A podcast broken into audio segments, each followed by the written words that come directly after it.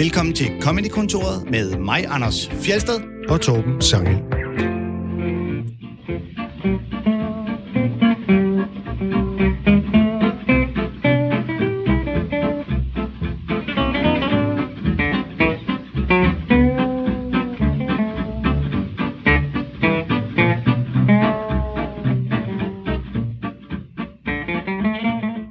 Kvinder er ikke sjove. Det er en af de tåbeligste bemærkninger, som man nogle gange hører, og især hørte førhen.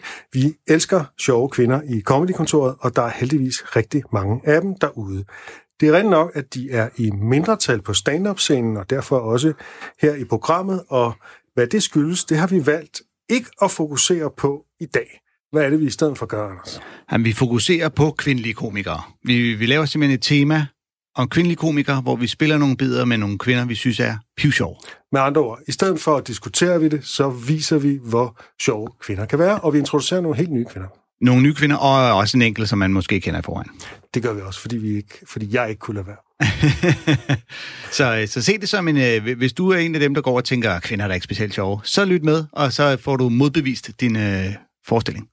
Men i første del, der fokuserer vi på dagens gæst, som øh, ganske vist er kvinde, men ikke stand-up-komiker. Hun er nemlig prisvindende skuespiller og manuskriptforfatter og instruktør, og på alle måder genial, som hun har bevist med serier som for eksempel, jeg kunne nævne 29, 30, 31, 32. Øh, Julia Rudbæk hedder hun. Velkommen til dig. Tusind tak. Sådan et, Og- Så år, der var fordelen ved at kalde hver sæson en- et nyt navn, ikke? sådan et øh, årgang 0-projekt, Ja, ja, der startede lidt, øh, lidt skævt. Ja, Og tillykke med, at I har vundet en Robert her forleden. tusind tak. Det er så fortjent. Jeg har set hele serien, og jeg er virkelig på røven over, hvordan I har kunne overgå jer selv sæson for sæson.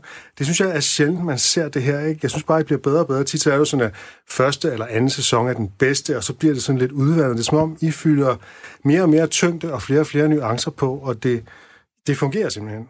Det er jeg virkelig glad for at høre. Det er også det, vi håbede på. Og, og det der med, at, at, at vi, vi er også vokset med opgaven, mens vi har lavet det. Altså, da vi startede med at lave 29, det var jo helt nyt for os at sætte en hel serie sammen.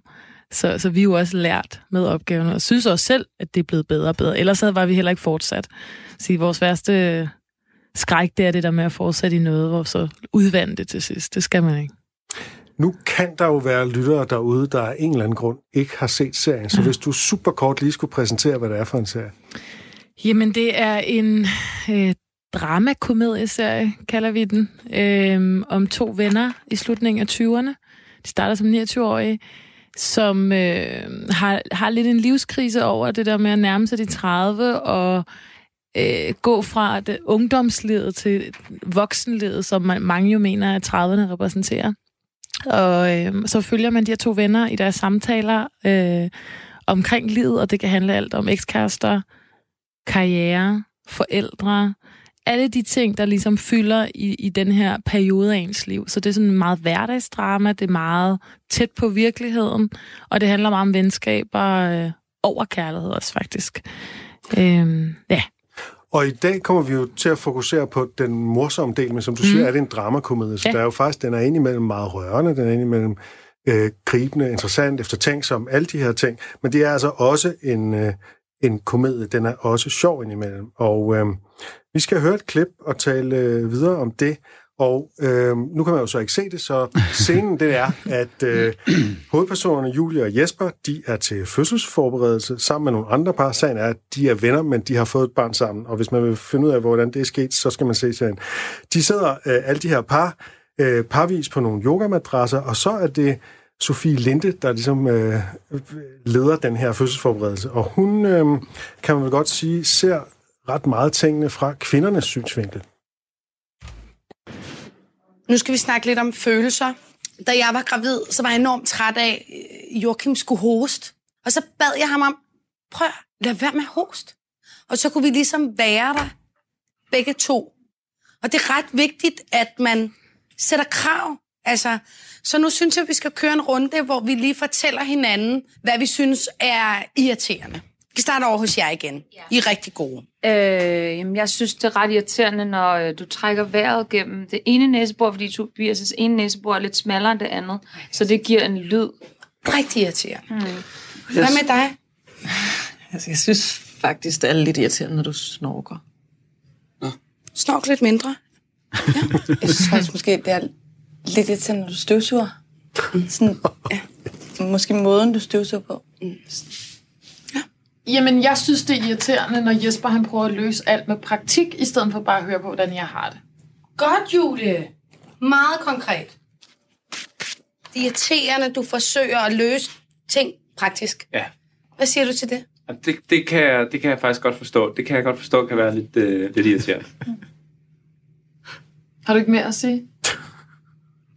Jo, at, øh, at, at jeg har meget fokus på det praktiske øh, nogle Ja, gange. ja, men det, det er det, jeg siger. Ja. Så hvad siger du? At, at, det, at det kan jeg godt forstå er irriterende. Okay, han aber jo bare efter. Han er bare totalt efter. Han siger jo præcis det, jeg siger. Altså, jeg siger, hvordan jeg har det super fedt, hvis han sagde, hvordan han havde det. Okay, jeg har det sådan, at jeg synes også, det kan være lidt irriterende, når du forlanger, at jeg skal reagere på en eller anden bestemt måde, men du vil ikke sige, hvordan, for jeg kan ikke læse dine tanker.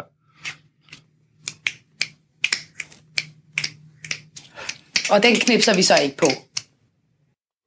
Det, der sker her til sidst, det er, at man tidligere har fået at vide, at man skal knipse, når man anerkender øh, et eller andet. Ikke? Mm. Øh, men her, der kommer Jesper, den anden hovedperson, jo så til at sige et eller andet, som øh, øh, man ikke skal sige, fordi øh, man skal kun sige ting om, at mænd er irriterende, og mændene får slet ikke lov til at komme til ord med, hvad Nej. de synes er irriterende, og vi er nogen, der skal hilse at sige, at gravide kvinder kan faktisk godt være irriterende.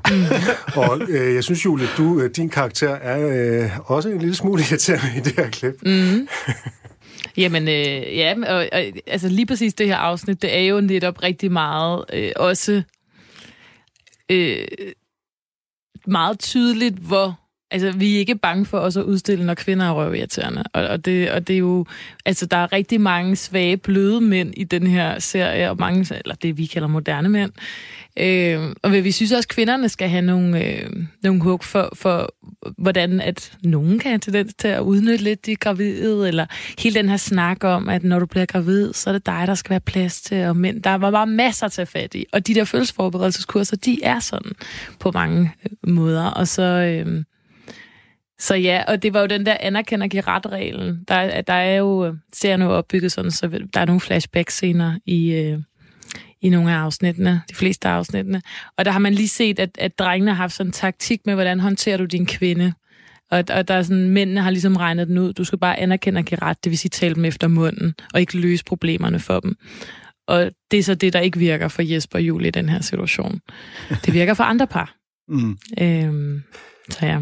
Øh, det- det- Men det er jo også sjovt, hvor man kan mærke, at ligesom øh, øh, listen af, øh, hvad synes du er irriterende, ikke? Ja, ja, urimelige krav. Ja, og man til at starte med, de fleste kan genkende det der, åh ja, hvis du har sådan, laver en pivlyd, når du trækker vejret. Ja, ja det er Øh, det. Han kan ikke gøre for det, men de fleste kan genkende, ja, det kan Ja, være det er irriterende, irriterende. ikke? Og så bliver det sådan lidt, at du snorker, det kan også være irriterende, hvor det til sidst bliver, det er irriterende, at du støvsuger, okay, det burde man sætte pris på, og det er irriterende, at du faktisk er ham den praktiske, der er den fornuftige, den rationelle. Altså, eksemplerne bliver mere og mere grælde. Ja, ja, og man kan ikke gøre noget rigtigt, men det er rigtigt, som du siger, det skal altid have en eller anden øh, grad af virkelighed i det, at det vil også være sort at finde på noget, der var sådan helt off. Alle genkender forhåbentlig de der ting. For Ja. Hvis man har levet sammen med en i rigtig lang tid, så er det irriterende den måde, de spiser på om morgenen. Og, Men sagen ja. Er bare her, der får det lov til at blive sådan en ting, man gerne må klage over. Altså, vi kender alle sammen, mm. det kan godt være irriterende med næsefløj, der piber. Øh, men lige frem ligesom at tage det ind i et plenum, hvor det bliver et problem, som, som øh, den, hvis næsefløj piber, på en eller anden måde skal gøre noget ved. Ja, ja. Det er, det er sådan Ja. ligesom... Men, og man kunne jo sagtens i en øh, øh, komisk setting vælge, at så netop til sidst, det ville jo være helt klassisk, at man lister op tre-fire eksempler, og så det sidste skal være helt out of this world åndssvagt. Mm. Altså, det vil jo det vil jo gøre det mere slapstick øh, Ja. halen, Og det er måske sjovt. her, hvor det her viser sig som dramakomedie, fordi mm. det, som Jesper siger, det går jo faktisk, det er, det er jo faktisk en, altså han siger jo faktisk en ting, som er alvorlig, mm. som, som betyder noget, og der tager det lige pludselig en drejning. Ja, ja, ja. Selvom det stadig er komisk med det her knipseri, så peger han faktisk på et eller andet, som mm. handler om deres relation Ja. og, og om, om mange forhold i det hele taget. Ikke? Jo, jo, men også i det hele taget, der brokser over en mand, der vælger at øh, gå praktisk og fornuftigt og rationelt til værks, er jo, øh, ligger øh, på et perfekt sted imellem at være helt out of this world, åndssvagt at brokse over, men samtidig noget, man godt kunne forestille sig, at nogen ville være irriteret over. altså fordi, at, øh, at man netop kan forestille sig den her kvinde, der er bare, hey, du skal forholde dig til, hvordan jeg føler det, ikke hvordan virkeligheden er. Øh, og det er Ja. derfor, det her bliver sket. Hvordan, Julie, har I arbejdet med en scene som den her, altså sådan på, på manusplanet? Hvordan arbejder I med at, at skabe sådan en scene her? Var den tænkt som at skulle være primært sjov fra starten? Øh, Øh, var det fra starten ideen, at det skulle være Sofie Linde? Har hun budt ind med ting? Kan du prøve at tage os med ind i den der proces? Ja, altså... Øh, alt er jo skrevet ud. Altså, der er jo manus på, på det hele. Og Sofie var faktisk øh, tænkt ret tidligt ind, fordi jeg synes, hun var meget oplagt der med, fordi hun netop laver de her følelsesforberedelseskurser. Gør hun faktisk det i virkeligheden? Øh, ja, altså Det hun har, nej, hun har jo skrevet en bog.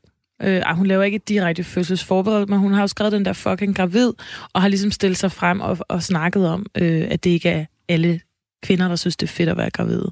Så hun var ret oplagt lige den her tematik, hvor sæsonen handler meget om, at Julie ikke synes, det er specielt fedt at være gravid. Det er jo også et tabu i sig selv.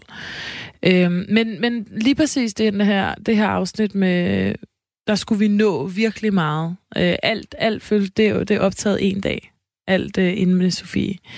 Øhm, men når vi skriver det, som du, som du sagde lige før, det der med, det er faktisk tit, vi bygger den op. Vi har jo skrevet rigtig mange sketches før i tiden. Øh, Jesper og jeg på DR, vi kom fra sketchformatet, og eftersom det er det fjerde sæson, så er vi blevet bedre og bedre til at bygge op. Vi kan sagtens bygge en sketch op, du ved, 1, 2, 3, har, bum. Mm. Men vi, vi bryder det faktisk tit også, og, og, og snyder folk, går over i dramadel. Det er ligesom øh, de er på tidspunkt jordmoren hos Mia Lyne, hvor vi kan virkelig godt lide at være på det store grin, og så lige bagefter tage røven på publikum, og så lige pludselig kommer der en masse følelser, eller det bliver lige pludselig alvorligt. Fordi man er sådan, ah, ah, ah, nu ved jeg, hvad der kommer. Ej, det gjorde du ikke. Det kan vi godt lide at arbejde med. Det kan jeg virkelig godt genkende fra at se serien. Jeg synes, jeg er virkelig godt gjort, ikke? Fordi, og der tænker jeg på, altså i en traditionel sitcom, der vil man jo nok arbejde ret meget med setup og punchline, eller det gør man, at en karakter bringer, bringer setup'et, og en anden bringer punchlinen. Ikke? Det er sådan en virkelig traditionel 80'er mm. sitcom, et eller andet. Ikke? Mm. En eller anden siger et eller andet, og så kommer den anden, og så kommer der dåselatter på. -agtigt. Præcis. Øh, I gør jo sikkert noget andet, men arbejder I egentlig med, med punchlines og, og setups og sådan noget, eller, eller er I et helt andet sted?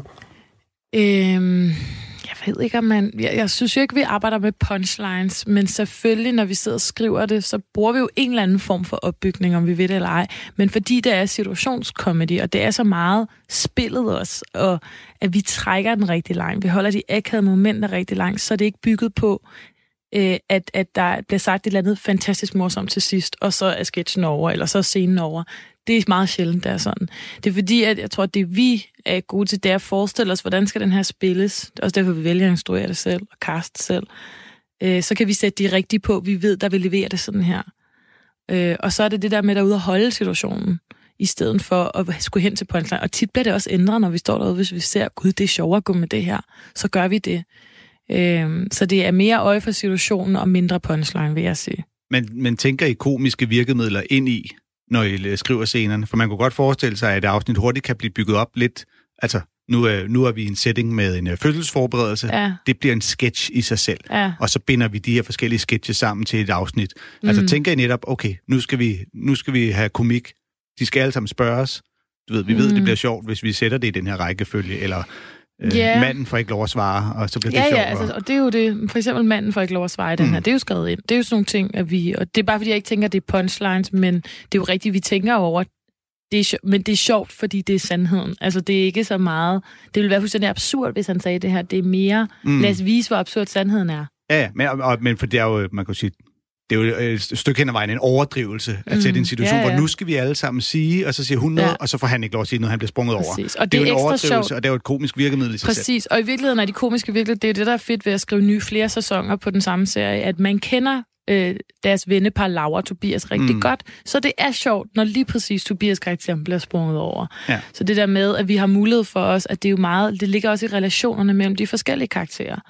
At, at det, er sådan, det er typisk øh, Laura-karakteren. Det er typisk sådan, så der er jo, det bliver også nemmere at skrive rundt om karaktererne fra sæson til sæson, fordi det bliver sjovt at sige, ah, det er sjovt at sætte ham her i den her situation. Og det er jo også- det, man ser i, i rigtig mange sitcoms, ja. Netop at du skal som regel lige nogle afsnit mm. ind, og jo bedre du lærer karakteren at kende, jo sjovere, Jo sjovere, bliver det, ja. når du ved, Kramer kommer væltende ind ad døren i Seinfeld, eller hvad Ja. det nu end kan være. Ja, I samme afsnit sker der også det, at der bliver delt spandere rundt, men kun til kvinderne, og netop det begynder også hos mm. uh, Laura og Tobias, og Tobias tror selvfølgelig også, at han skal have en spander, og Øh, vi kan vel godt sige, at han er lidt tyk i det, mm. så øh, øh, han kan nok godt rigtig godt lide spandau, og, og, det, og det, det er bare så diskret lavet, ikke? Der er slet ikke nogen sådan, der er ingen fat jokes eller sådan nogle billige virkemidler. Mm. Det der. der er bare det der med, han har virkelig lyst til en spandau, og ja. det får han bare ikke, for det er kun til kvinderne. Og så bliver det direkte spurgt, hvordan har du det med, at din kvinde nu sidder og spiser en spandau, ikke? Mm.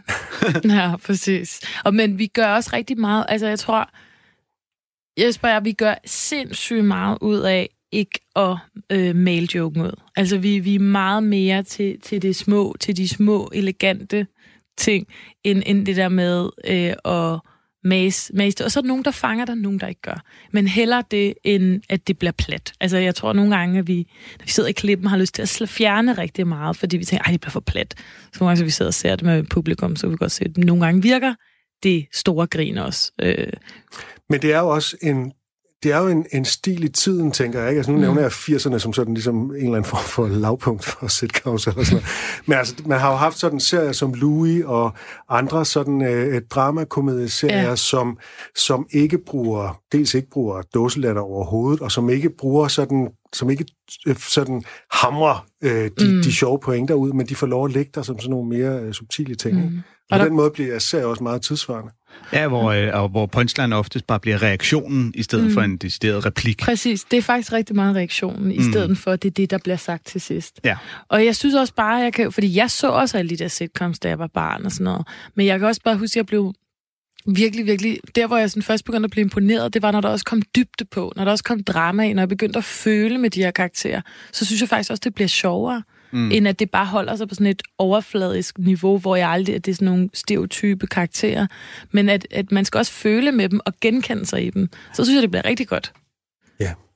Øhm, vi skal jo også høre, hvad du, øh, hvad du synes er sjovt, som, mm. som andre har lavet, og... Øh, det sjoveste nogensinde, det er det, er, ja, den, det, det, som vi kalder, det som, okay, øh, ja, det som vi i programmet Med de sædvanlige forbehold. Det ja. sjoveste nogensinde. ja. Med de sædvanlige forbehold, fordi det siger alle, åh oh, nej, det kan man ikke vælge til. Men du har valgt, ikke desto mindre, den kolde radioavis, det kan jeg godt forstå. Ja. Vil du sætte nogle ord på, hvorfor det er så sjovt? Ja, det vil jeg godt. Jeg kunne, jeg kunne sige rigtig meget. Øh, jeg valgte det, fordi... Men øh, var det når du er på en anden radiokanal? Ja, ja, det er rigtigt. Det handler ikke om kanal, det handler om dem, der laver det.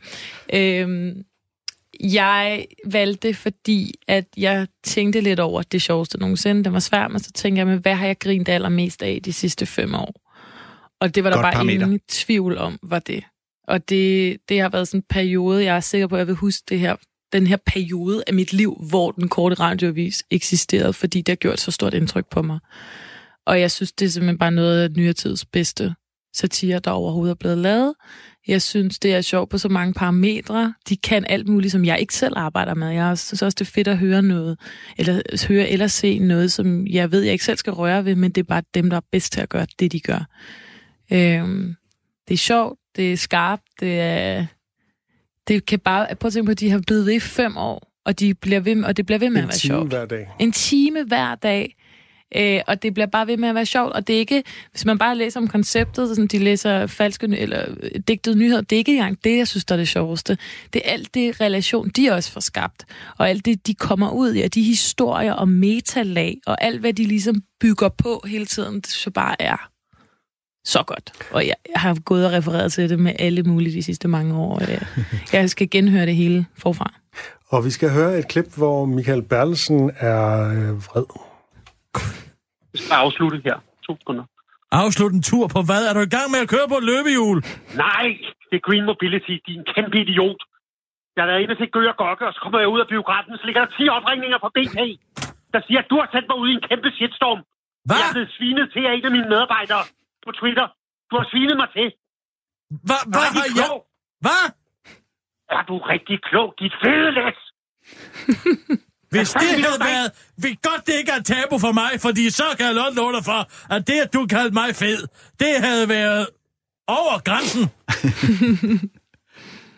jeg kan simpelthen ikke forstå, at vi har aftalt, at du skal lade mig være, du skal lade radioen være, og så går jeg i biografen i to timer, og så går det fuldstændig bananas. Jamen, jeg har, brugt, jeg har brugt nogle ta- Prøv lige en gang. Læg lige mærke til, hvad vi er gang i her. Hvad, hvad der sker lige nu?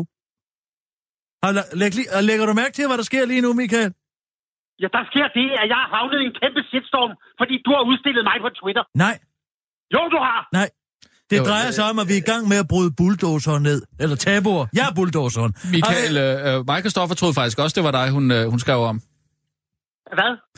Øh, Hey Mik, øh, jeg har Hej, også... Ja, øh, det, det er Rasmus og Christoffer. Vi troede faktisk også, det, det var dig, Nå, Kirsten du er på medhør. Hashtag brud tabuet. Nogle gange kommer jeg til at sætte folk på medhør, uden at sige det til dem. Vi har hørt det, det hele. Det skammer jeg mig meget over. Det er så mit bidrag. Michael, Og jeg jeg, er så edderspændt rasende. det kan jeg godt forstå. Ja, det Man kan kan jeg ikke gå ind og se en film. Man kan ikke være væk fra sin telefon i to timer. Så kommer man ud af biografmørket. Og så er man endt i et helvede. Prøv at været inde og se Gø og Gokke? Den skulle være god. Altså, der kan man sgu da tale om at bryde tøjet tabuet. Gå ind og se en spillefilm. Med Gø og Gokke som voksen mand. Ja, den er faktisk ret god. Ja. Det er faktisk, kan faktisk være meget fint at gå i biografen alene nogle gange. Åh, oh, gud, går du i biografen alene? Hashtag bryd tabuet. Jeg, jeg forstår ikke, hvad du mener. Kom ud med det, du. Gå ud på Twitter, bekend, og du vil blive frelst. Kirsten, er du sød lige at retweete? Øh... Tror jeg, Ja, hvordan kommer jeg jeg ud af det? Det har her? du gjort. Så du må gå ud og skrive, at det var en, en, en, en fejl, øh, du, det var ikke din mening. Øh, øh, det havde ikke noget med mig at gøre. Gud vil jeg da hej. Hvis du føler dig ramt af det, det må du sgu da selv stå for. Jeg kan da ikke gøre for, at du... Når, når jeg siger, at nogen øh, i øvrigt en ukendt kollega er historieløs og muligvis har ADHD, at du så føler dig ramt. Hvem siger det overhovedet dig, jeg taler om? Ja, men jeg er ved radioen nu. Jeg går faktisk ned i gården lige nu. Øh, Michael, jeg har et forslag. Hvad med, at jeg Nej, lige, jeg kommer op, jeg kommer op nu. hvad med, at jeg lige sender lad- en, en alle-mail, øh, Michael? Øh, og bare lige skriver, at... Øh, Nej, jeg, jeg, kommer, jeg går ind Okay. ad døren nu. Ja. Og Så går jeg, nu, går jeg, nu går jeg op ad trappen, og så skal jeg fandme dig for, så skal jeg kraftedeme have fat i nakken på dig. Lås døren. Ja, og det der sker er, at de rent faktisk låser døren, og der, der øh, situationen eskalerer. Ja. Det, kan man, øh, det ligger på, på YouTube, og man kan jo høre øh, den korte radioavis inde på Podimo. Mm. Øhm, det, en del af det sjove her, det er jo, hvor meget Michael Bertelsen hisser sig op, og så i sammenhæng med, at han har været inde og se Gø og Gokke, der er sådan mm. et eller andet. Mm. Men sådan helt generelt, hvad er det sjove egentlig ved vrede, tænker jeg på? Øh, men, men det, ja, altså, jeg synes jo, at nogle af de virkelig sjove situationer er, når Kirsten Birke kommer op og slås, eller op og skændes med Michael Bertelsen, eller Speaker eller for eksempel, eller Torben Sangel nogle gange.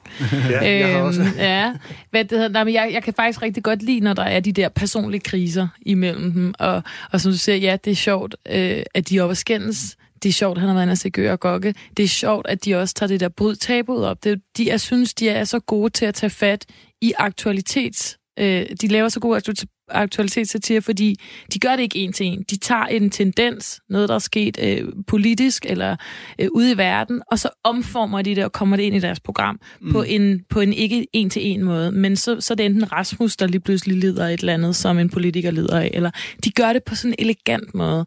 Og det der bryd tabu, de peger ned på alt det, der er så dumt og så rigtigt, som, som man selv går måske og undrer Og sig så over. interagerer de direkte med virkeligheden. I stedet for kun at lave parodier på, så er det hele tiden i dialog med virkeligheden, Ja. og konsekvenser ude i virkeligheden, som de så igen reagerer på. Ja, Ja, det ligger måde- sådan en spænd mellem, om det virkelig sker, Ja. og, og, og at de er nogle fiktive personer, men det foregår på en rigtig arbejdsplads, Ja, som vi det- kender, og i en radio, som vi lytter til, ikke? Præcis. Jeg tror, i det her tilfælde, altså vrede kan jo være sjovt, når det som i det her tilfælde er en, der bliver rigtig vred Mm. over for en, der ikke øh, Der- hvor det responderer, ja, ikke, hende. der ikke kan forstå vreden, Ja. eller øh, ignorere den, eller så, så han ligesom bliver meningsløs vred, eller Folk ikke får noget ud af sin vrede. Det kan jo være sjovt. Det kan også være sjovt, når folk bliver vrede af nogle årsager, der er urimelige, eller Jamen, de bliver jo alle sammen børn, når de bliver Ja. uvenner. Øh, og når speakeren bliver... Det tror jeg er en del af pointen. Ja. Man bliver lidt barnlig, når Ja, man er ja, vred. bliver sådan fede lidt, læs. Ja, det er, sådan Altså, lidt, det er bare det, det sjovt. lyder kikset øh, på en eller anden måde. Ikke? Ja. Ja. Øh, som du var inde på, så har jeg jo selv været vred på Kirsten Birgit og skændtes med hende en del gange. Øh, og det, jeg har oplevet, er, at jeg rent faktisk bliver vred. Ja. Og selvom jeg godt ved, at Kirsten Birgit ikke findes i virkeligheden, så bliver jeg Ja. pissehammerende vred på hende. er fordi hun er så fucking provokerende. Ja. Og netop fordi, og det der med, at hun har, hun har den der, altså hun er jo et eller andet sted måske psykopat, ikke? Mm. Øh, og det der med, at hun har sådan en, hun er fuldstændig upåvirkelig af vrede. Ja. Hun tænker hele tiden taktisk, hun har den der herskerteknik. Mm. Hvordan kan jeg vende det der til min Ja. fordel? Så, så selvom Michael Bersen hisser sig helt vildt op, så skal hun bare lige stikke til, at han har været inde og se Gø og Gokke, og han måske har kørt på elløbehjul, og der er sådan... Præcis. Altså, altså elsker hendes kommentar, hver gang Michael Bertelsen træder ind i lokalet, så sammenligner hun ham altid med, har du været til polo? Et, altså, med hans, altså, der er så mange, hun har hele tiden de op af hand. Altså, hun er, det er jo også derfor, alle politikere og sådan noget, i virkeligheden har haft det svært. Altså, enten så skulle man gå med på den, eller også så hader man den kort, ikke? Altså, at, at alle ved, har ikke lyst til at få Kirsten Birgit røret, fordi hun, hun siger bare sandheden, og det er og vinder enhver diskussion. Altså selv Rasmus Paludan interviewet, altså det var jo det, Ah, det var skarpeste. genialt. Altså, og han er svær, tænker jeg. Ja. Øh, og, og det er faktisk sådan med, med politikere, at de, øh, de oplevede, at en del politikere prøvede at bruge den korte radioavis som, som sådan en spin et eller andet. Ikke? Nu kan mm. Vi vise, at vi er sjove og Ja, sådan ja. noget. Mm. Og det reagerer øh, de lynhurtigt på Præcis. ved at stikke kniven ind. Altså for eksempel ja. Bertel Hårder, han, øh, han fik ikke lov til at promovere sit, Mm-mm. han havde et eller andet kanonprojekt eller sådan noget, Danmarks kanon, ikke? Ja. Øh, det, det underminerede det fuldstændig, ikke? Mm. Og altså, den eneste, der har fået lov til at, øh, så at sige, blive en ven af programmet af politikerne, det er jo Morten Messerschmidt. Ja. Og det er angiveligt, fordi at han forstod programformatet og gik ind i det med den tilpas store selvironi og fandt sig i at blive spidet gang på gang, Mm. hvad han også er blevet. Ikke? Ja. Mm. Og så fordi de jo så ved, at de fleste, der lytter, de vil synes, det værste i verden var, at han får lov til Ja, ja, de har jo valgt Det den er rigtige, der netop provokerende ikke er den person. opslag. Ja, altså, det er ligesom, når Jonathan vælger at kysse Pernille Vermund, så Ja, fordi han ved, at det, det bliver det, der provokerer flest muligt. Ikke? Ja. Og det er også sjovt, hvordan øh, Kirsten Birgit og Rasmus har jo indbyrdes lidt det samme forhold, som man, man hører i uh, jeres serie, ikke? Mm. Med at øh, hun er den der, der tryner ham, det er den der lille tøffelhældfyr, Ja. ja. og man kan levende forestille sig, at han heller ikke får nogen spandauer. Ja, ja, der ja, ja. Jamen, og. Rasmus, det er også det, man skal huske. Rasmus karakteren er også bare enormt vigtig for det, der Mm. fungerer. Altså, han er jo også, fordi han er jo om nogen, altså som du siger, Kirsten Birgit er næsten psykopat, men det er jo Rasmus, man virkelig også genkender i rigtig mange Mm. øh, personer inden for mediet. Det er også mediesatire, ikke? Og Mellemledere i Præcis. Og hvor man kender det, ikke? Øh, og Rasmus hykleriske, moderne mand. Altså, der er bare... Der er også rigtig meget, øh, jeg synes, jeg genkender der. Og, og han er bare fantastisk. Og man kan godt nogle gange glemme det, fordi han er straight man. Men Præcis. altså hans måde at snuble over Mm. mm. ordene og sige banaliteter og, og Ja. ja. simpelthen være Ja. ja. så langt retorisk bagud i forhold Mm. til Kirsten Birgit, det er faktisk en virkelig stor præstation. Og det, Og hans- det er det nemlig. Og hans karakter har meget mere på spil, fordi at han er jo, altså, øh, som den øh, virkelige person, Mm. mm. det, det er meget større Ja, sandsynlighed der for, at han bliver identificeret Ja. ja. som den, ikke? hvor Jo. at de fleste ved jo godt, at Kirsten Birgit trods alt er, normalt er en mand, der... Mm. så.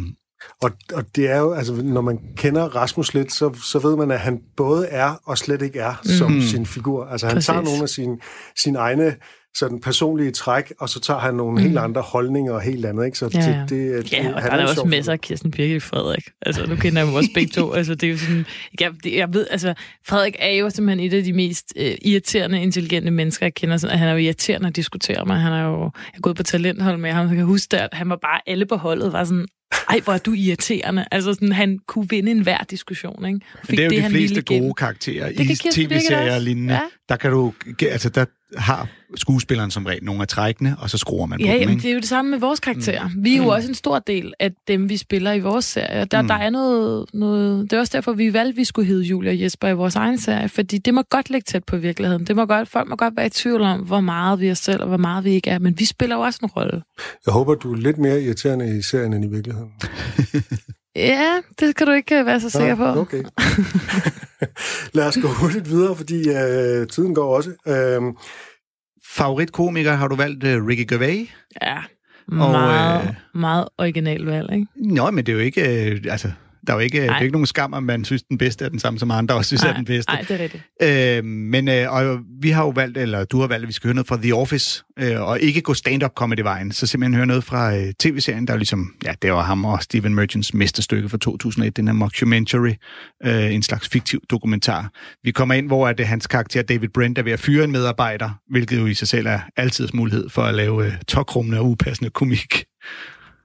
This is the worst part of my job, you know. I do not want to lose a good man, you know. But, you know, it's out of my hands. And even if it were in my hands, my hands are tied. It's nothing personal. It's just based on facts. Yeah, yeah. that- Why am I getting fired? You're not getting fired. It's redundancy, as I say. It's nothing personal. It's cutbacks being what they are. You know, you are one of the unlucky ones, or one of the lucky ones, in my opinion. Now, I'm going to ask you, David, why, when there are three other forklift operators, do you decide to fire me and not Anton? You know, is this uh, is this positive discrimination? Is it you know? Do you have disability quotas you have to fill? I don't know what you mean. I mean, Or are you keeping Anton on because he's disabled? Anton's not disabled. He's a midget, David. Yeah, but you're not disabled if you're a midget, are you? That's not a disability. That's just small. Yeah, I know. Ronnie Corbett doesn't get special treatment, does he? Ronnie Corbett's five foot. Anton's three foot four. So are some children. Children get special favours. Children aren't disabled, are they? Well, children don't work in warehouses. Look, whether or not Anton is indeed a midget or a dwarf. No, he's a midget. What's the difference? Well, a dwarf is someone who has disproportionately short arms and legs. Oh, I know the ones. Yeah, Oh, yeah, yeah. yeah. It's caused by a hormone deficiency. Yeah, bloody hormones. Yeah. A midget is still a dwarf, but their arms and legs are in proportion. Sure. So, what's an elf? Do you want to answer that?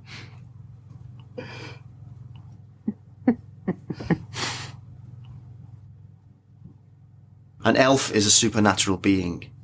Sometimes they're invisible, they're like fairies. They don't actually exist, do they? In real life.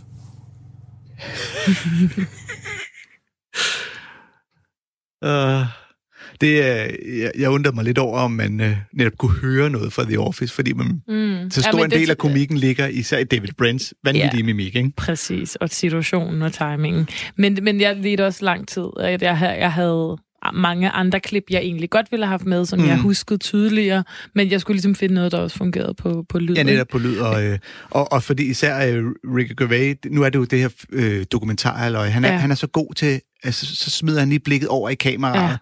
som om han er, jeg ved jo godt, der er nogen, der filmer mig, så jeg er nødt til at Ja. opføre mig på en bestemt måde. Ja, ja. Og Han er- alene det, han tror, han gør det på den rigtige måde, gør det sjovere, når han er gal på den hver gang. Ja, ja, Det er jo fuldstændig. så tydeligt, at han godt kan lide, at samtalen bliver drejet hen på noget fuldstændig øh, irrelevant, øh, sådan så han slipper for Mm, den her ubehagelige det er det. samtale. Ja, det er jo ja. meget typisk. Øh. Og så sætter de den fyr, der skal fyres op som straight man, ikke? Der skal sidde Jo. og prøve at være den fornuftige i det her, og samtidig med, at han jo er nederen over at være blevet fyret, Mm. og chefen bare er en kæmpe hat. Ja. Bliver du inspireret af en tv-serie som The Office? Ja, meget. Det var også derfor, at jeg valgte øh, noget med ham og noget med den, fordi at jeg, det tror jeg rigtig mange tv-serier har været inspireret af, øh, The Office. Men, men der er jo bare i den grad situationskomedy og timing. Timing. Altså virkelig god timing, og det er jo det, han har. Ja. Også som stand-up-komiker. Han er bare et eksempel på en, der bare, ja, for det første, altid har nogle sjove jokes, og så fantastisk timing. Og det kigger jeg rigtig meget på, fordi det er det, der får mig virkelig meget til at grine. Og han har det øh, rigtig meget i sine serier, men også når jeg har set ham øh, optræde til Golden Globe, for eksempel. Mm. Men jeg synes jo, hele den her serie er bare en inspiration, fordi at det, er jo, det er jo situationskomedien over punchlines-komedien i, i min verden, over sitcom, mm. rent sitcom. For der er også hjerte i The Office. Der er også noget på spil, og jeg elsker det her lille samfund, øh, eller den her lille arbejdsplads, hvor alt er på spil, og intet er på spil. Og det er de der små hverdagsproblemer, der er problemer, og han har bare absolut ingen selvindsigt, den her mand. og performer, som du siger, sindssygt meget fra kameraet. Men også igen, de finder, det er også igen der balancen. De overgør det ikke, mm. men alligevel kan de tage den så sindssygt langt ud. Og det kan blive så absurd, og netop, som siger, det stikker af. Altså, de tager så mange runder, og de kommer så langt væk fra det, scenen egentlig handler om. Men det kan bære til det, fordi det er så velspillet.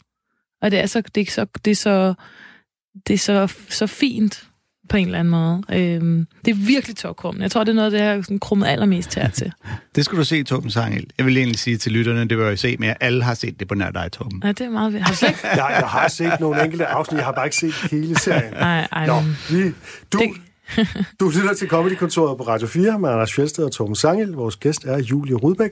Og nu skal vi til dagens tema, som simpelthen er at præsentere nogle kvindelige stand-up-komikere, primært nogle nye og ikke så kendte amerikanske komikere. Og øh, den første hedder Casey Balsham.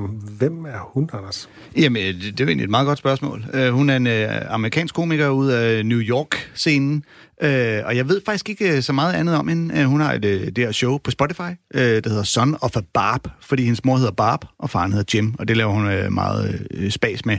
Hun er vist, jeg tror, hun er sådan i, i slut 30'erne. Um, øhm, ja. Og det er sjov fra 2019, så hun er, hun er ret ny, men hun øh, er sjov, og vi skal høre et klip, der handler om, hvordan øh, kvinder prøver at udnytte deres kvindelighed til deres egen fordel. I actually saw a younger girl. This is I do I miss the magic though. I miss the magic of believing you could do anything you wanted if you like curled your hair, man. Like I fucking this is where we're at. But I swear to God, I saw I saw the best thing happen. I saw this girl try to flirt her way to a closer toilet the other day. It fucking it- go try. I, it was amazing. This girl just looked at this waiter, and he she was like, "Excuse me, where's the bathroom?" And he was like, "Oh, it's over there and down the stairs." And she was like, "Oh, all the way over there." And I just was like, what did you think he was gonna do? like, he's like, no, pretty girls, I'll make a toilet for you. You can go in here. It's like there's fucking plumbing, bitch. Like this is not. You can't just go. I have a soft spot for anybody trying to mess with uh, with servers because I, I was in the service industry for a long time. Clap it up if you've ever been a bartender or waitress. Okay. Happens to people when they walk into a restaurant? People lose their common sense. Do you agree? People walk into a restaurant, they start asking you questions like, "Excuse me, can I add tomato to a BLT?" I'm like, "What the fuck do you think the tea is for, man?"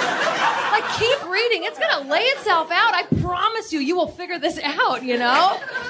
I had a girl one time come into my uh, come into my restaurant, look at me in the face, and she goes, "Excuse me, do you have American coffee? Like American coffee? Like do you have American coffee? Like it's coffee is American?" And I'm like. Where are we? Like, yes. Like, do I have coffee? Why did you ask like that? Like, like what is wrong? Like, I would never go to your house and ask you a question that obvious and dumb. You know, like, I would never go to your house and be like, oh my god, oh my god, do you have the cover me up blankets? They're like the blankets, but they cover you. The blankets, but they go on. They, but they are cut. They cover you up. They're the blankets, and they go on you. you know? Do you have the glasses that hold the liquids? They're like glasses, but they hold fucking liquid. I swear to God. It's those people that I'm like, if you're standing in front of a train, I would probably kick you. I Ja, irriterende mennesker. ja. Øh, Jeg synes, at øh, hun, er, hun bruger et øh, meget klassisk øh, knep i comedy, som er, øh, nu fortæller jeg lige om en anden idiot, jeg har mødt. Øh, du ved, jeg har hørt den her person, der sagde, det her er dumme, og, øh, og jeg var den, der spottede, hvor dumt det var. Øh, I det her tilfælde hende, der tror, at øh, mm, hvorfor er der toilettet virkelig så langt væk? Mm. Hvilket umiddelbart kan virke som fuldstændig uskyldig øh, ting at sige. Men når man så som hende ligesom gør observationen, finder ud af det, og så udstiller, hvor idiotisk er det at tro, at ja, det kommer ikke til at flytte sig, lige meget hvor meget du piver mm. over det, ikke? Og så siger hun, det jo som, i- det virkede som om hun prøvede at flytte sig til at slippe for at skulle gå hele vejen ned på toilettet. Og det er rigtigt, som hun siger, oh, really, all the way over there? Så, øh, ah, okay, så har vi et andet toilet til dig herhen.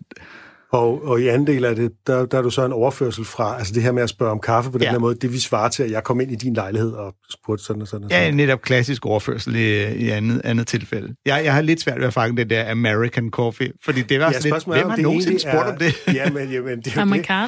Det. Ja, det er Ja, det, jeg det- tænker. det- det er jo det. spørgsmålet om hun Ja. mener americano, men bare ikke ligesom kender ordet, eller Ja. altså det er sådan lidt... Øh, øh, men det, her med at prøve at flytte sig til noget, det er sådan lidt parallelt, tænker jeg, til, til Julie i 32, altså karakteren Julie, der prøver at på et tidspunkt at bruge sin graviditet til at få forskellige fordele, hvor hun Nå, sådan, ja. øh, øh, må jeg ikke komme foran i køen, jeg er gravid, Mm. og øh, ah, kan jeg ikke få noget rabat, fordi jeg er gravid? Mm. Sådan. Ja, det er rigtigt. Ja, jamen, øh, men det er jo, altså, det er jo, nu bruger hun så det at være gravid som en, men en situation. Det tror jeg, jeg faktisk ligesom hende, nu kan jeg ikke huske, hvad komikeren ville have hørt hed. Casey, Casey Balsham. Casey. Øh, observationen er jo helt rigtig. Det, er jo, det, det tror jeg, at kvinder gør på alle mulige måder. Altså, hvis den går den, så går den. Mm. Om det så er uden, at du er sindssygt smuk, eller uden, at du er gravid, eller uden, at det, det, det er jo bare menneskeligt. Altså, jeg tænker heller ikke, hun, jeg tænker vel også, hun bruger lidt... Jeg synes ikke, hun udstiller hende så meget. Jeg synes hun bare, det er det, vi gør, os kvinder. Ja, ja, altså, det, er men- også, hun, det, er sådan, det er jo bare skægt. Altså, det, er sådan, det kan jeg godt genkende. Både ja. privat, og at det bruger vi også i serien på den ene og den anden måde. Øh, Men det er jo, det er jo netop sjovt, sjov, fordi alle kan genkende, ja. At kvinder prøver at bruge deres Ja, ja. øh, du ved, seksualitet eller deres øh, små Og mændene, skønhed. hvor eller, nemme de er. Ja, altså, på- at der ikke skal til mere at få til. fordele. Det Ja. sjove her er, at hun ligesom prøver det i en situation, hvor der er jo ikke noget at hente her. Nej, det er så rigtigt nok. Det, det, er sådan, Men måske Præcis. er det bare ren rutine, at hun Ja, ja, simpelthen bare flytter med en hvilken som helst tjener, selvom at, det egentlig, at hun, hun, altså, hun forventer næppe, at han bygger et toilet til hende øh, Ja. på stedet. Øhm, vi skal skynde os videre til næste klip med en, der hedder Emmy Blotnick. Emmy Blotnick. Slotnick, øh, som er også et nyt øh, fremadstormende talent. Øh, og det ved jeg, fordi jeg lige har snakket med en amerikansk komiker, der hedder Judah Friedland om hende. det kan jeg lige love, Du lige altid får flettet det ind i samtalen. Åh, den lille fanboy her sidder. Øh, og han siger, at øh, hun er et af, af de navne derovre, de, de er meget glade for. Hun er også brugt som forfatter på flere øh, shows på øh, Comedy Central og lignende. Hendes øh, show på Spotify, som vi øh, skal høre en bid fra nu, hedder øh, Party Nights, og jeg vist fra 2019, øhm, ja, hvor hun øh, snakker om den svenske pop, øh, øh hvad, hvad kalder man, musisk producer, producer, producer sangskriver. der har lavet al popmusik i hele verden. If you don't know, Max Martin is a 46 year old Swedish music producer, and he writes and produces all the pop music. I didn't know it was all coming from one guy, but it pretty much is. Like, he made all the 90s shit you like, like Britney Spears and the Backstreet Boys, all the dry humping classics.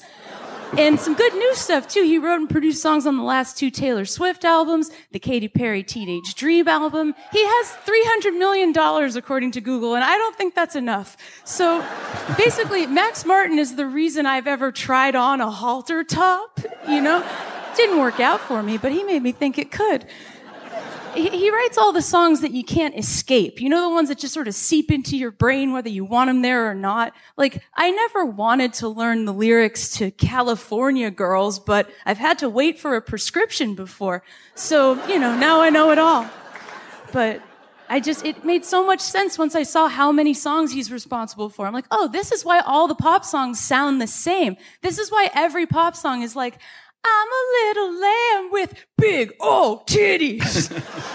Because it's all written by this Swedish guy, and English is his second language. Doesn't it make so much sense? Every day this dude wakes up and he's like, all right, Max, what do girls like? What do girls like? Uh, lollipops, bikinis, time for lunch. Like, that's his day. It's just crazy. So I became obsessed with him. I started reading all these interviews with him. I read all these interviews with his Swedish songwriting colleagues. And one of them, they interviewed one of his guys and they were like, how do you write all these pop songs for women? And he said, every month we read Cosmo. Cosmo, of all things. Like, if you've ever read an issue of Cosmo, you know it's like the worst representation of women in the world. Every tip in Cosmo is like, chug a bottle of mouthwash and eat your boyfriend's butt. And you're like, this isn't my life. And I didn't know what I was doing all those times. I walked up to a newsstand and was like, Cosmo, no thanks. I'm just gonna plug in my headphones and blast it directly into my brain. Like, I didn't know I was walking around listening to Cosmo. So I freaked out in the middle of the night. Oh, have you guys ever freaked out so hard you made a flow chart? cool, cool. Yeah, me neither. I would do that. No. I, I'm gonna try to walk you through this. Okay, so I started listening to pop music from a very young age, and that was how I learned what it meant to be a sexy woman. Not knowing that Max Martin and all the Swedish guys making the pop songs were reading Cosmos so they could be sexy women. Which means for most of my life, I've been doing a bad impression of a middle-aged Swedish guy doing a bad impression of an American garbage woman which means my life is a lie. and then the sun came up and I was like, well, time for work. And I showed up all frazzled and everyone's like, are you okay? And I'm like, there's a man controlling the radio. He's telling me how short to wear my shorts. He's making me learn dance moves I don't want to dance. He's making me blow dudes. I don't want to learn anything else about the music industry now. I don't, I don't want to find out that like all of Bjork's catalog was written by one gnome in the woods. Ja, øh, så morsom kan en feministisk kritik af populærkulturens kvindebilleder være. Mm. Ja, det er skarpt. Ja, det er det, er sjovt. det er nærmest sådan halv tæt talk, halv Ja, comedy. ja, men det, det, det, jeg kunne faktisk ret godt lide det. Det var ret godt velskrevet. Ja. Øhm, det er sjovt med de der kvindemagasiner. Det, jeg har det meget på samme måde. Mm. Og vi skal måske sige, Cosmo, det er en forkortelse af Cosmopolitan, som Ja. er sådan et, jeg ved ikke, det amerikanske Eurowoman eller sådan noget, eller... Ja, det, er, det er amerikanske... Alle kigger på Alt for damerne. nej, nej, det vil jeg ikke engang sige. Det er... Hvad er det, det hedder? Ej, nu skal jeg ikke nævne, nu skal jeg ikke udstille nogen. Men der er rigtig mange dameblade, der er sådan der. Ja. Men, det, men øh, det, det er fantastisk, ikke? Hun har gjort så den her øh, øh, observation mm. om Max Martin, som er øh, the one and only pop producer. Ja. Og så lægger hun bare stille og roligt to og to sammen. Ja, ja, og finder, det er Gud, han har lavet hele- de her numre. Ja. Og jeg, øh, du ved, jeg har jo som en ung pige taget de her numre til mig, fordi at Mm. jeg øh, ser op til Katy Perry, de her. Men de har fået alle deres holdninger stukket ja. I hovedet af den her langhårede grimme svensker, der har fået stukket i hovedet, fordi han troede, han var en kvinde, fordi han læste det her øh, lavsige blad. Og du ved kun, Ja. han er langhåret, fordi jeg lige har vist dig et billede men, men, øh, men det er også sjovt, den der detalje med, at han er svensker, og det er derfor, de der poptekster er så meningsløse. Ikke? Ja, ja. Altså, han, Ja, måske det er behersker hans slet ikke second, engelsk second language. Ja. Ja. Ah, det, er- det er genialt bundet sammen. Altså den der Ja, det er krølle det. der til sidst Mm. med Ja. a bad impression of someone doing a bad impression of. Ja, ja. Og så lige uh, top med uh, nå, Bjørks musik. Det er ja. sikkert lavet Ja, en en alf. Vi øh, skal også nå Cameron Esposito. Ja. En, øh, hun er øh, ud af Chicago-scenen. Øh, hun er lesbisk, skal man nok skynde sig at sige. What? Øh, ja. Det vil fremgå Det- også af biden her. Nå, Det vil det nemlig det var, gøre. Det var bare vigtigt at vide. 38 år gammel, og, øh, og øh, opvokset i sådan en meget katolsk hjem, hvilket jo i sig selv giver en masse komiske præmisser. Ah, ikke? Øh, homoseksuel opvokset i et strengt religiøst Mm. hjem. Og meget, meget politisk korrekt. Øh, øh, fortaler øh, på alle punkter, og det snakker hun selv meget om i showet, øh, hvilket øh, undervejs bliver utrolig morsomt. Øh, showet hedder Rape Jokes, fordi det også omhandler øh, seksuelle overgreb, og nogle hun selv har været udsat for. Øh, men nu skal vi høre et, der handler om, øh, da hun, det første kys, hun øh, giver til en anden kvinde, og det hvor hun ligesom opdager sin seksualitet. There was this woman on the trip, and I, like, I didn't, I didn't know it at the time, but she was like, just my type. Because um, like, she was like sporty and like really smart, and you know, cared about the world, want to make a difference, and plus, like, she just been through a major family crisis.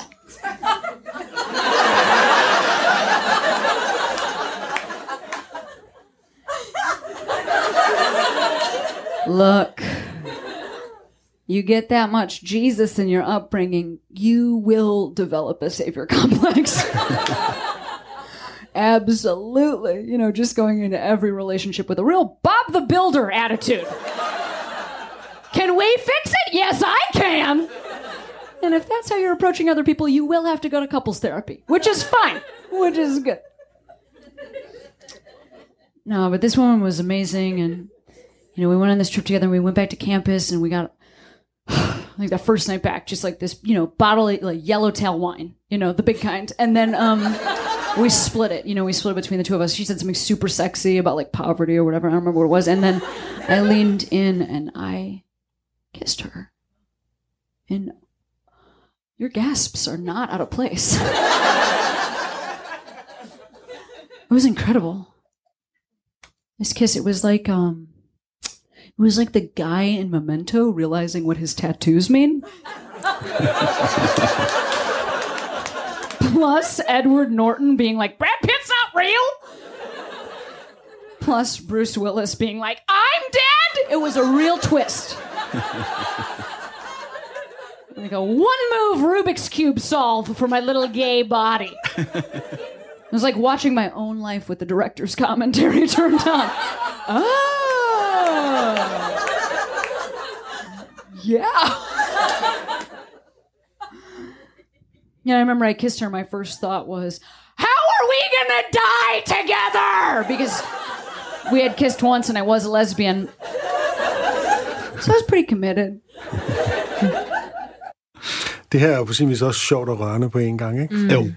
Det er jo sådan, det er jo ret smukt, ikke? Jo, ja, det. var meget sødt. Det var en Ja. meget fin beskrivelse af alle de tanker, der gik igennem hendes hoved. Og ja, Ja, at og, alt øh, bare ma- altså made sense. Ja, lige Det var præcis. det, der skulle til. Okay, det Og, var øh, meget obvious. Og showet bygger jo meget frem mod hele den der netop at, at være en, mm. en, en, en pige, der vokser op og pludselig og skulle kæmpe med at finde ud af det her. Og så Mm. ligesom høre, da det går op for hende. Og det, og det er nemlig sjovt, at det bygger jo op mod, øh, da jeg kysser hende, det er en wow-oplevelse, en aha-oplevelse.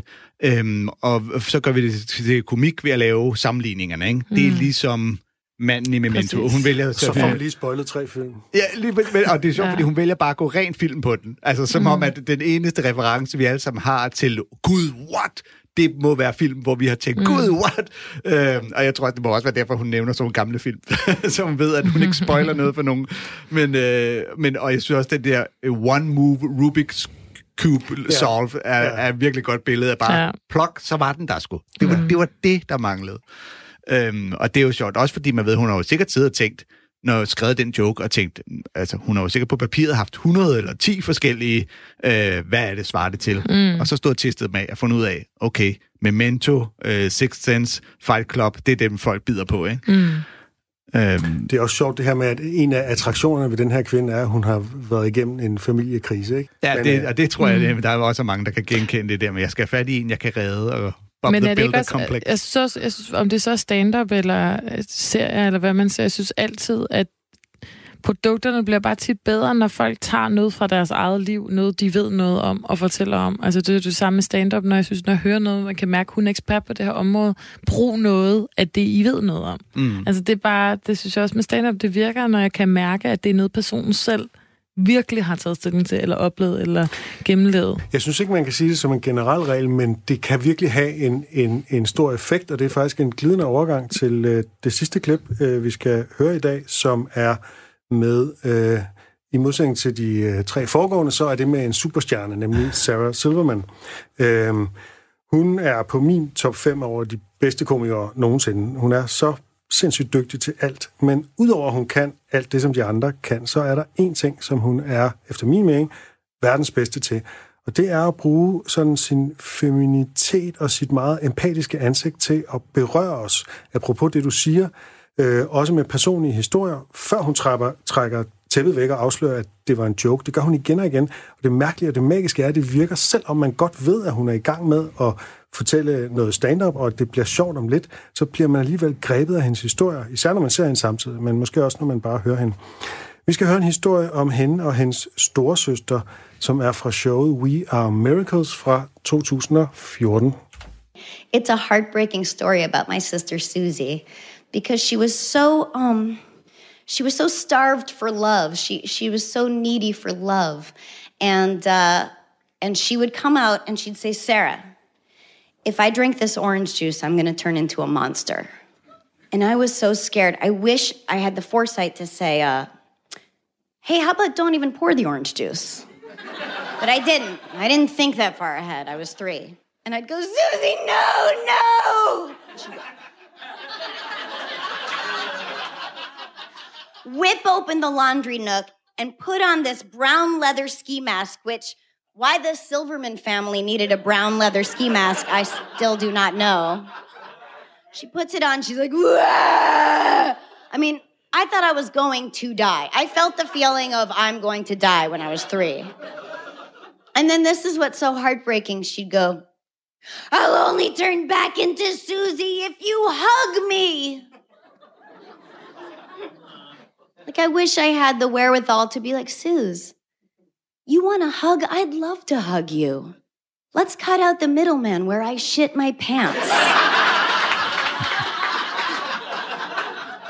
but instead, I'm inching towards this monster I'm terrified of to hug it.